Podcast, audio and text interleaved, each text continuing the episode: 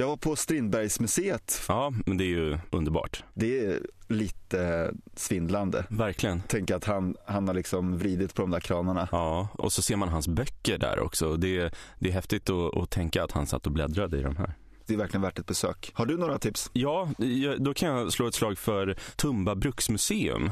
Jag var där för några veckor sedan bara. Väldigt trevlig upplevelse. Alltså det kretsar ju kring deras tillverkning av papper. Eh, För de har ju tryckt sedlar där och de gör det ju fortfarande. Ah, Och så ser man hur folk bodde där och, och hur tillverkningen gick till. ja, det är otroligt coolt tycker jag med sådana här tidskapslar. Ett annat liksom, exempel på det är Hallwylska museet givetvis. Den, alltså det är magiskt. Otroligt vacker byggnad också. Det var ju Wilhelmina von Hallwyl själv som ville bevara hela huset till eftervärlden. Extremt framsynt. Ja. Ja. Eh, Men tips, fler tips. Ja, men du, eh, ja, men då har jag eh, ett till utanför stan faktiskt. Ja. Det är Litografiska museet ute i Huddinge vid eh, Sundby gård. Man ser hur de gör litografier, alltså en typ av tryckteknik. Stentryck kallas det. Man ritar eller skriver in ja, det man vill ha tryckt på, på en sten och så trycker man det och får litografier. Ja. Otroligt spännande. Du, jag kom på en till tidskapsel här som jag inte hade någon aning om. Jaha. Vid, intill Rörstrandsgatan, där gamla porslinsfabriken låg, Ja, just det. där finns det fortfarande alltså en hög av keramikdelar. Jaha. Det står en skylt där och det är liksom från 20-talet när de la ner ker- keramikfabriken har det bara legat en stor hög av keramik där. Men alltså den är avsiktligt lämnad där som, ja, vad ska man säga, kulturminne. Ja, precis intill Karlbergs slott. Häftigt att de har bevarat det där. Men då måste jag bara ta upp en tidskapsel till. Ja. På Nordiska museet så har de ju en eh, utställning av ett 50-talshem. Ja.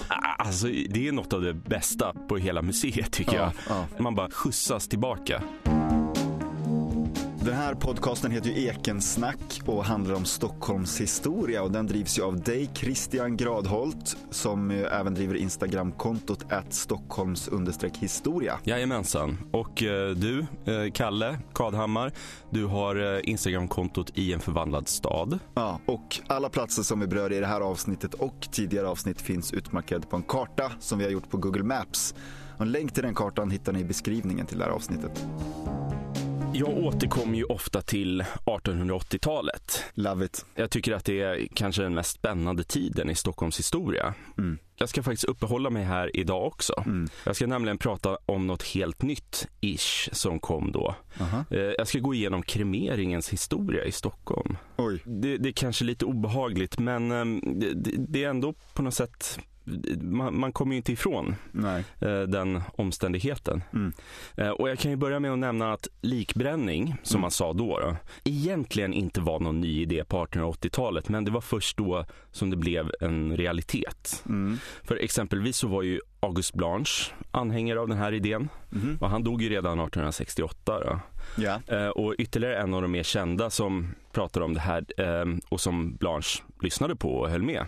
Det var Dr. Soldin. 1858 så åkte han till Hamburg och senare till USA efter att enligt en tidning ha blivit förföljd för sina idéer om likbränning. Oj. Och en del av förföljelsen kan ha haft att göra med att han även var jude. Mm. Men det här glömdes hur som helst bort i ett antal decennier. Mm. Så jag hoppar fram till 1882. För om du mot slutet av maj det året slog upp en tidning, till exempel Aftonbladet, så kunde du se en inbjudan till ett möte i Hantverksföreningens hus vid Brunkebergs torg. Mm. Och jag måste bara nämna lite om det här huset, för att Mm. eh, Hantverksföreningens hus var en byggnad från 1840-talet, ritad av ingen mindre än Fredrik Blom, som kanske är mest känd för kastellet på Kastellholmen och Skeppsholmskyrkan och Rosendals slott. Ah. Men det var i det här huset som eh, Delacroix hade sina salonger, Mm. som sedermera blev restaurang Runan. Hmm. Och någon gång på våren 1870 tog Hantverksföreningen över själva byggnaden. Okej. Eh, Och runan blev kvar eh, till husets rivning 1913 och så uppfördes det nya huset med restaurang Gillet och Odeon-teatern som låg här Mm. Och som revs på 60-talet och här ligger idag hotellet eh, Sergel Plaza. Men eh, 1882 då? Alltså mötet gällde helt enkelt bildandet av en likbränningsförening. Mm. Det är ju så vi gör i Sverige, vi startar ju föreningar. Mm. Och här tänkte man sig att införandet av något nytt, som ju likbränning var då, bäst görs med stöd från många människor ur olika samhällsklasser. Man ville ha en bred rörelse. Det var som ett litet seminarium. Ja, kan man säga. Föreningen skulle verka för spridandet av idén om likbränning och dess företräden framför likjordande. Och det var verkligen inte vilka tjommar som helst som skrev under den här inbjudan. Nej. Eh, Riksantikvarie Hans Hildebrand skrev under och det var ju han som skapade den eh, typologiska metoden inom arkeologin. Ha. Arkitekten Magnus Iseus skrev under. Det var ju han som ritade Blancheteatern, Hotell Continental, Norstedthuset på Riddarholmen. Mm.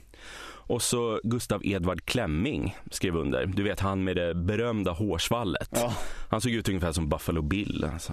Eh, Men han var ju överbibliotekarie på Kungliga biblioteket när de flyttade från slottet till sina nya lokaler i Humlegården. Mm. Och så framförallt så var det ingenjören Per Lindell som skrev under den här inbjudan. Mm. Det var han som skulle komma och bli Likbränningsföreningens eh, sekreterare och främste företrädare i Sverige. Och den 31 maj 1882 då, vid sjutiden på kvällen så hölls mötet och det blev en succé.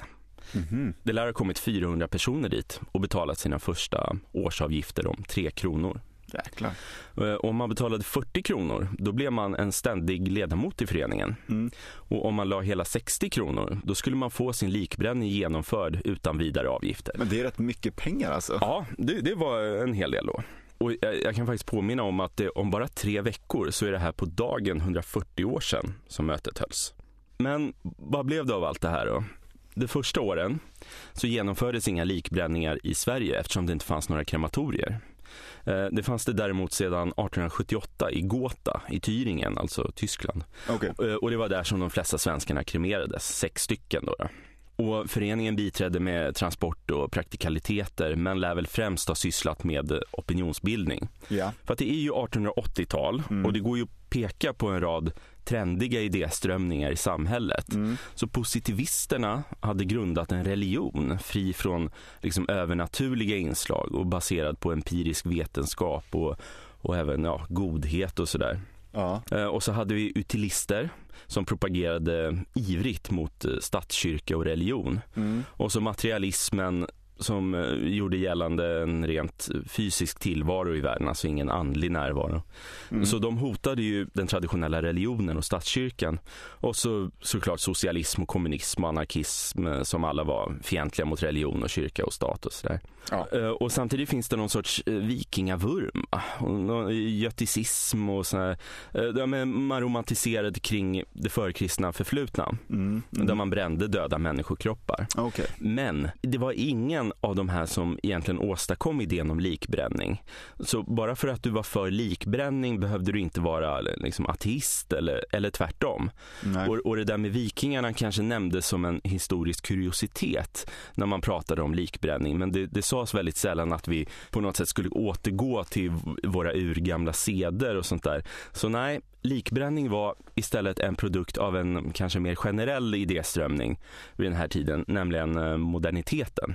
Mm. Och, och här ingår ju praktikalitet och estetik och sanitet och hygien som, som viktiga beståndsdelar. Då. Och så den kraftiga urbaniseringen hade ju dessutom satt hårt tryck på städernas kyrkogårdar Just det, det låter logiskt. eh, som eh, liksom var osunda potentiella kolerahärdar. Och, Ja. Så det här med likbränning är ju en idé som många skriver under på. Mm. Några som var anhängare av likbränning, det var förutom de som nämnts innan då, då Alfred Nobel, Ellen Key, Hjalmar Branting, Verner von Heidenstam, Ferdinand Boberg, Carl Larsson och eh, Salomon August André, polarfararen.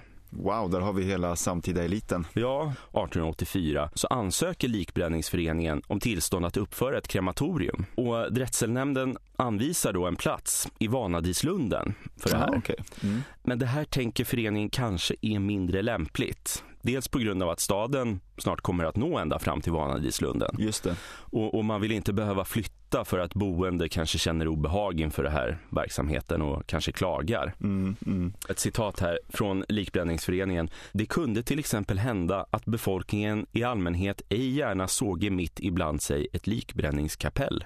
Och dessutom, närheten till staden skulle ställa höga krav på prydlighet och utformning. Och det här var ju föreningen inte ointresserad av. Nej. Men det skulle bli dyrt va? Och, och särskilt om någon nu klagar och man tvingas riva alltihop. Eh, Så året efter så ber man vördsamt om en tomt i anslutning till norra begravningsplatsen istället. Ah, Att folk skulle se att kremering och religion inte alls är några motsatser. det. Och drätselnämnden tyckte det här var beaktansvärt Mm. och kyrkogårdsnämnden höll med. Så man medgav i juni 1887 tillstånd till uppförandet av ett likbränningskapell i Hagalund, Ja. alldeles intill norra begravningsplatsen. Mm. Och det som uppförs det, det är en liten trästuga, ganska smakfull men väldigt enkel.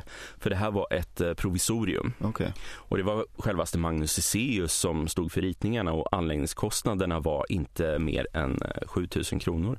Mhm. Finns det bilder på det här huset? Eh, Det gör det. Mm. Och den låg ungefär i mitten av norra begravningsplatsens norrsida som är densamma idag. Okej. Vid nuvarande Andersvägen. Okej. Och det ligger ju bostadshus där Okej. nu. Mm. Men då var det, ja, det ser lummigt och grönt och obebyggt ut och det var troligen en ganska vacker trakt. Så 1887 så står det provisoriska krematoriet klart och det är den första likbränningsanstalten i Sverige. Mm. Och den allra första att kremeras, det var en väldigt ung chef för Gävle bryggeri, Mm. disponenten Ernst Källerstedt. Han var kassör i Gävleavdelningen av eh, likbränningsföreningen. Och han var bara 30 år när han avled under en jobbresa till Stockholm. Oj. Han kremerades den 15 oktober 1887. Mm. Under år 1887 så genomfördes 13 kremeringar. Mm. Det kan till och med ha varit så att några som redan begravts i kista togs upp ur jorden för att kremeras. Mm. Vilket i så fall ska ha varit deras önskan. va? Bara att de dog innan krematoriet existerade. Mm. Eh, Men vad gäller prästerna så kunde de ju faktiskt vägra att jordfästa döda som skulle kremeras. Okej. Men eh, Per Lindell och andra de menar ju att likbränning inte alls befann sig i konflikt med religionen. Eh, Man kan ju börja se sig om i Bibeln efter stycken som förbjuder just likbränning. Eh, Och man får ju leta rätt länge då, då och kanske tolka ganska hårt för det finns ju egentligen inga stycken som uttryckligen förbjuder det här. Nej. Och så kan man även gå till Augustinus, den kanske mest kända och ansedda av kyrkofäderna som levde på 300-400-talet. Mm. Eh, Och när det gällde helgon som lidit martyrdöden på bålet så lär ju han ha sagt att eh, Gud faktiskt är herre över elementen. Och naturligtvis får även en människa vars kvarlevor har brunnit upp eller löst upp i vatten eller förmultnat i jorden sin kropp tillbaka på den yttersta dagen. Ja. Så ingen troende kan berövas evigt liv och salighet bara för att deras levande eller döda kroppar har upphört att existera. Just det. Så det kyrkliga motståndet hade väl egentligen ingen teologisk substans. Det var bara att de ogillade det nya. Men 1909 i alla fall, då står ett permanent krematorium klart på norra begravningsplatsen. Okej. Och det var Gustav Lindgren som hade ritat det och han är ju även känd som arkitekten bakom eh, Östermalmsfängelset bland annat, eller kvinnofängelset som man Mm. säger. Det här var i sten, alltså det nya. Ja, absolut. Mm. Och det var liksom en kyrkliknande byggnad som finns kvar idag. Det kallas Norra kapellet. Mm. Och i och med att stoftet efter döda nu kunde förvaras i urnor så anlades det kolumbarier.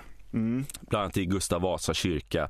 Så det förändrar ju Stockholms karaktär kan man ju säga. Mm.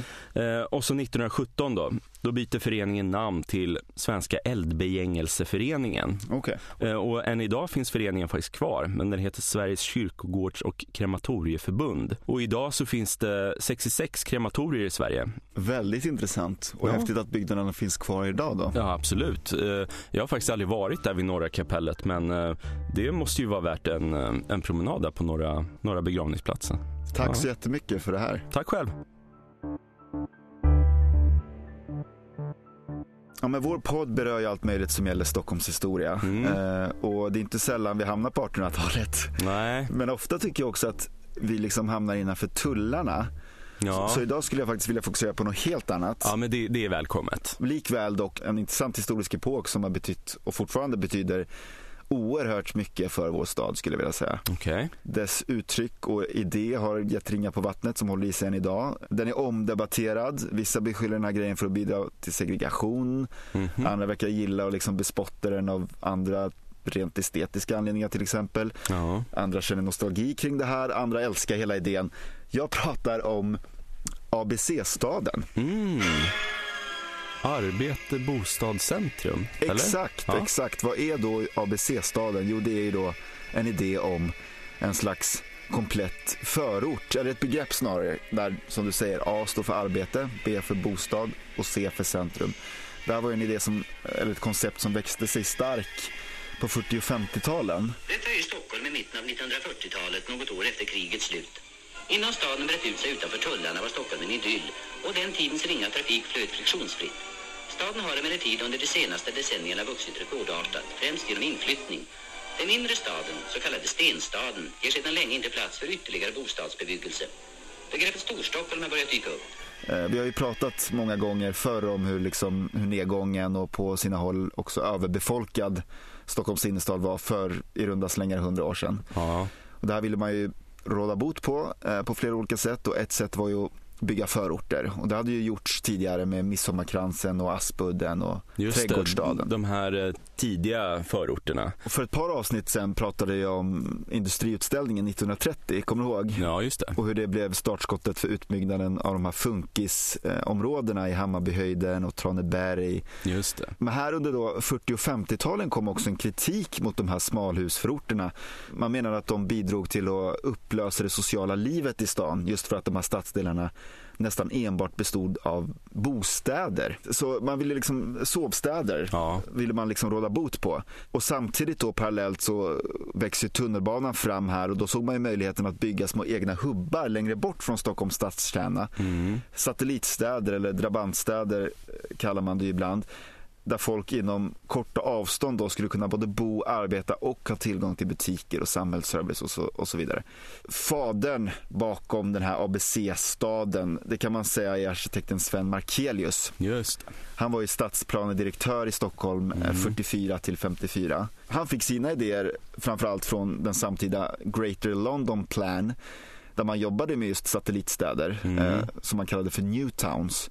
De var ännu mer självständiga och avlägsna orter kan man säga än vad Stockholms motsvarigheter skulle bli. Okej. Markelius menade för övrigt by the way att de här nya stadsdelarna som skulle byggas i Stockholm icke kan komma att väntas fungera som drabantstäder i egentlig mening. Nähä. Avståndet till Stockholm city är allt för litet.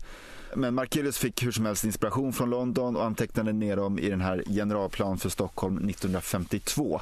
Eh, Och det var en utredning eh, och ett utbyggnadsprogram för Stockholms expansion helt enkelt här efter andra världskriget. Ja. Och här kan man ju läsa sig till att man från tunnelbanestationen mitt i de här stadsdelarnas centrum skulle ha max 450 meter eh, till hyreshusen, Okej. 900 meter till småstugområden, 600 meter till industrier och så skulle det finnas ett shoppingstråk i centrum då. Alltså, det, han har räknat meter. Ja, och tanken var liksom att det skulle vara ungefär 16 000 pers i ett sånt här område. Så det var väldigt välkalkylerat. Ja, otroligt. Och Markelius underströk också vikten här av att känna samhörighet och gemenskap eh, samtidigt som en alltför tydlig social uppdelning inte önskades. Nej. I promemorian hette det bland annat stadens befolkning bör inte genom sin bosättning bli uppdelad i olika kaster. Det kan ur dessa synpunkter göras gällande att vad som bör eftersträvas är en utjämning av olika olikheter i bosättning mellan skilda stadsdelar.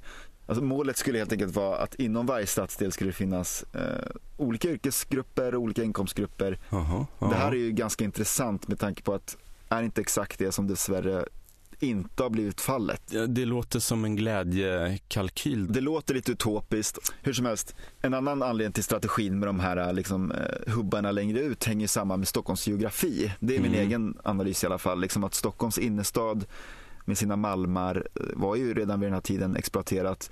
Och Mm. den stora mängden vatten vi har i Stockholm, det tvingar ju liksom staden att placera nya centrum rätt långt ifrån stadskärnan egentligen. Ja, det blir ju så. Och lägg där till nya ideal om luft, ljus och framförallt grönska Just det. så har man ju receptet för de här ABC-städerna. Ja.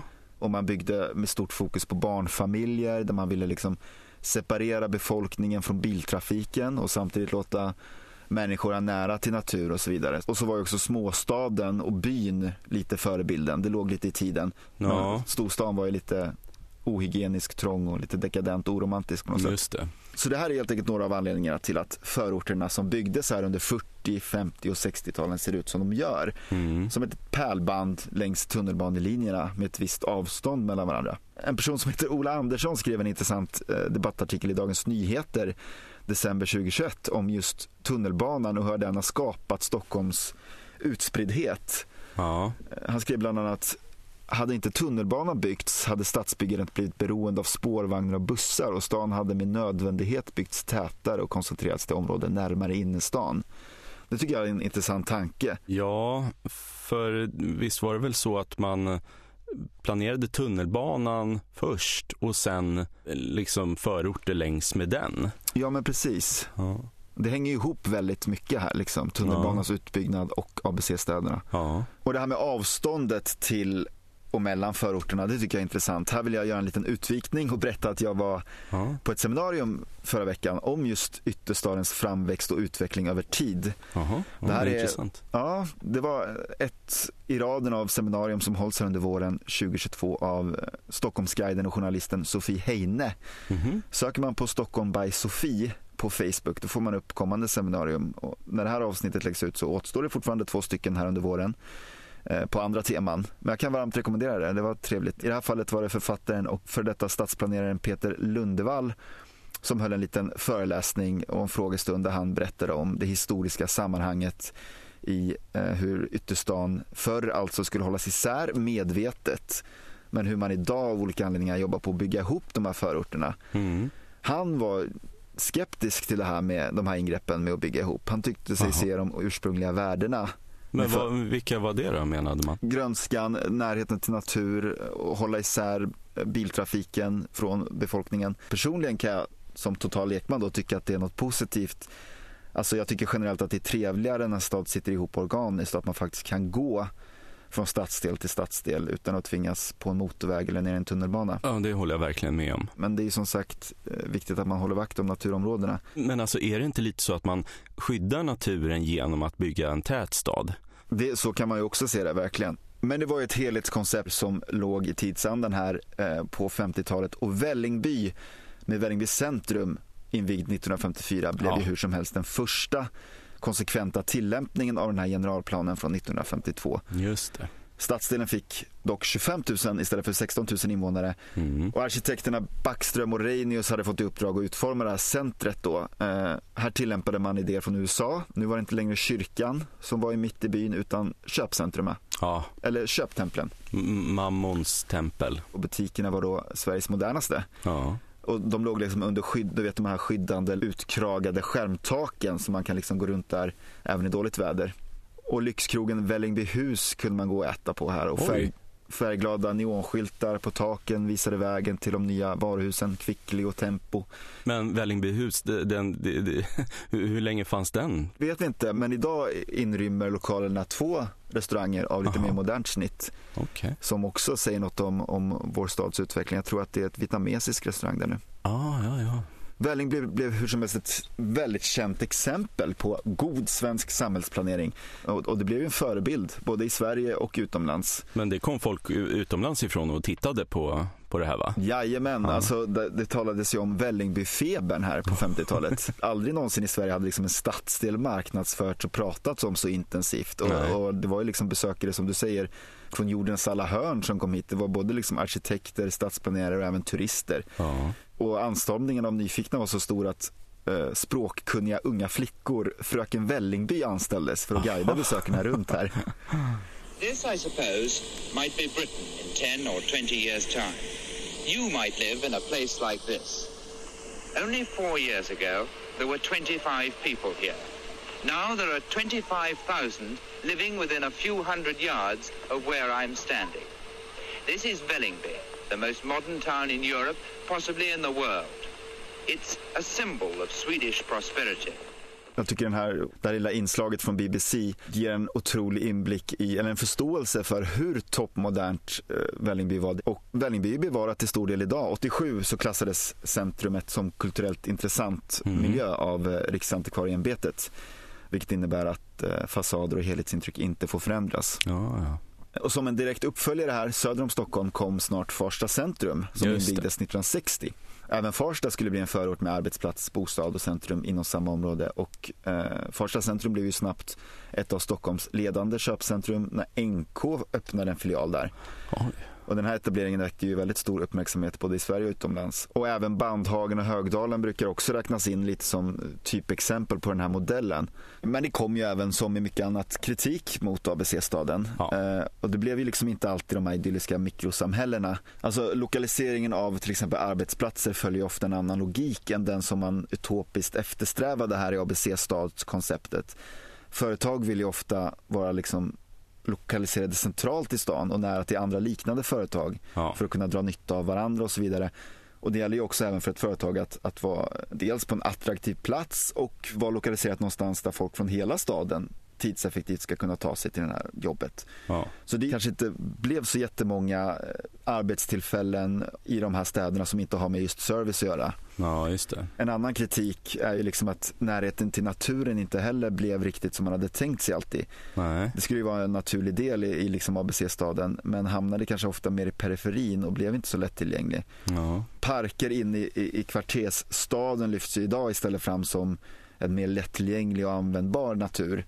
Och så kommer ju också kritik givetvis om, av liksom gestaltning. Ja. Höga hus med relativt långa avstånd från varandra som du var inne på tidigare. Det bidrog inte riktigt till de här urbana kvaliteterna utan Nej.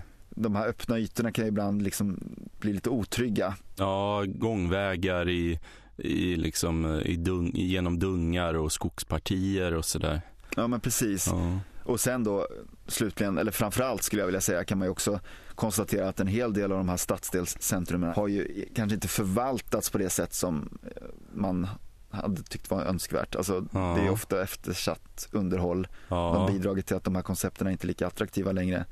Alltså det här med eftersatt underhåll.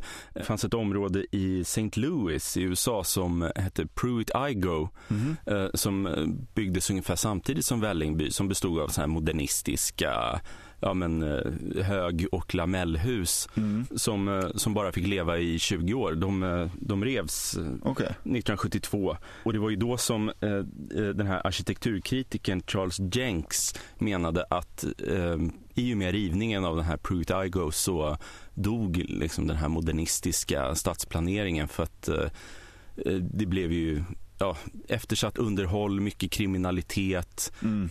ett liksom oattraktivt område. Ja. Men innebär det här då liksom att ABC-tanken är fel? Eh, Jag kan svara på frågan. ja, jag gör det. Tack. Det tycker jag faktiskt inte man kan säga. Alltså den grundläggande tanken att försöka skapa attraktiva stadsdelar där man bygger in viktiga samhällsfunktioner är ju ändå rätt tycker jag, eller hur? Ja, Det finns ju anledning att dra lärdom av kritiken och göra det bättre. Och ett initiativ i den här andan är faktiskt ABC-staden 2.0. Jaha. Det är ett samarbete som Skanska, Scania och MTR har initierat. Och här står faktiskt ABC för Activity Based City. ja okej. Och jag läste på lite om det här på det här VSP som är en konsultbyrås hemsida Jaha. som involverade det här och de rabblar värdeord och lyfter fram självklarheter som närhet till kollektivtrafik och torg och så vidare. Ja. Men så på många sätt så skiljer sig inte dagens stadsplanering jättemycket från när man byggde de här ABC-städerna. På Skanskas hemsida kan man till exempel läsa i ABC-staden 2.0 bor, reser och arbetar och möts människorna. Och med hjälp av dagens och morgondagens digitala tjänster bygger vi ett samhälle där människor vill leva länge. Känns det igen eller? Känns som 1955. Det, det låter som eh, taget ur någon journalfilm från 50-talet. Ja. En stor skillnad noterar jag dock och det är den här meningen. ABC-staden 2.0 kommer i praktiken ofta att byggas i eller i anslutning till äldre stadsdelar. Ja. Av vikt blir att få overlapping spaces, det vill säga hur kan det nya och det gamla mötas på ett bra sätt. Ja. Så ABC-staden lever ju vidare i modifierad form helt enkelt. Ja, men du, jag tycker att när vi har gjort våra tionde avsnitt, då kanske vi ska åka ut till Vällingby och, och fira på, med lite vietnamesisk mat. Ja, det kör vi på. Absolut. Och med de orden tackar vi väl för den här gången Christian. Dig når man ju på eh, Stockholms historia på Instagram. Tack för idag, Kalle. Och dig når man på Instagramkontot i en förvandlad stad. Och oss båda gemensamt på mejladressen ekensnack gmail.com. Tack själv och tack till Christian Jäderberg som skrivit musiken. Vi hörs! Vi hörs.